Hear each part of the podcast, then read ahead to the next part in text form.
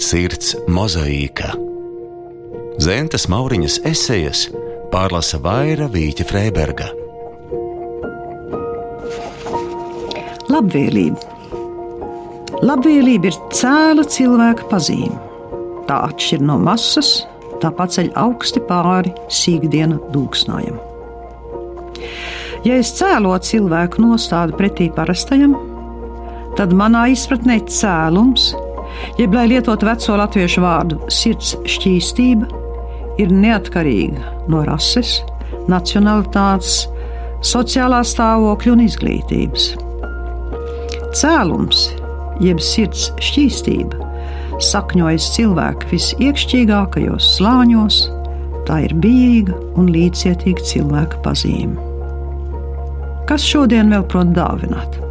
Spekulācija, kukuļošana, aprēķins ir tik lielā mērā nozaimojuši un piesmējuši dāvināšanas likumu, ka būs jāpaiet vairākiem gadu desmitiem, kamēr tas atkal uzcelsies savā karaliskajā krāšņumā. Par patiesu dāvanu var tikai tur runāt, kur dāvinātājs tikpat laimīgs kā dāvanas saņēmējs kur robeža starp došanu un ņemšanu izdzēsta.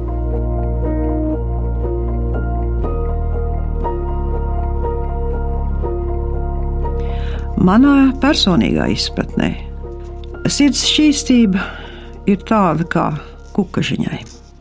Tāda, kādu mēs viņu redzam atspoguļot bārenītei dainās.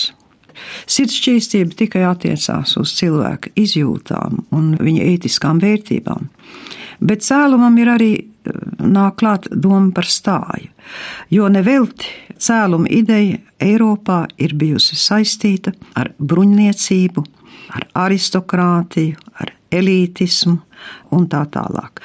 Šeit atkal šī cēluma doma, viņas uz izpratnē, protams, viņi domā par gara cēlumu, bet vārds kā tāds Eiropiešu.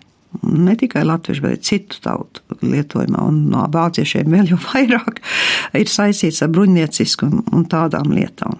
Bet es domāju, tas, ko viņi domā, jau ir pietiekami skaidrs, jo runa ir par cilvēka sirds labestību, šķīstību un cilvēka intrinsisko vērtību, kas nav atkarīga no jebkādiem ārējiem ne apstākļiem, ne ārējām pazīmēm.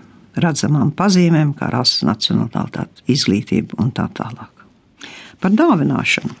Es priecājos teikt, ka kaut gan spekulācija un kukļošana un tādas lietas e, nekur nav pasaulē pazudušas, un es baidos, ka viņas ilgi vēl nepazudīs, tad par dāvināšanas prieku es varu teikt daudz laba, jo gan savā, nu, kā mēs to devām, trims posmā, kad es dzīvoju Kanādā, gan šeit Latvijā. Man ir nācies būt par liecinieti ļoti daudziem cēlām dāvināšanas instancēm un piemēriem. Kaut vai Vītola fonds ar visām tām stipendijām, kas ar katru gadu aug skaitā. Tā ir tīra dāvināšana bez jebkāda personīgā profita. Es priecājos, ka šodien Pa laimi ir daudz ļaudis Latvijā, kas prot dāvināt, lai viņiem veselība un spēks.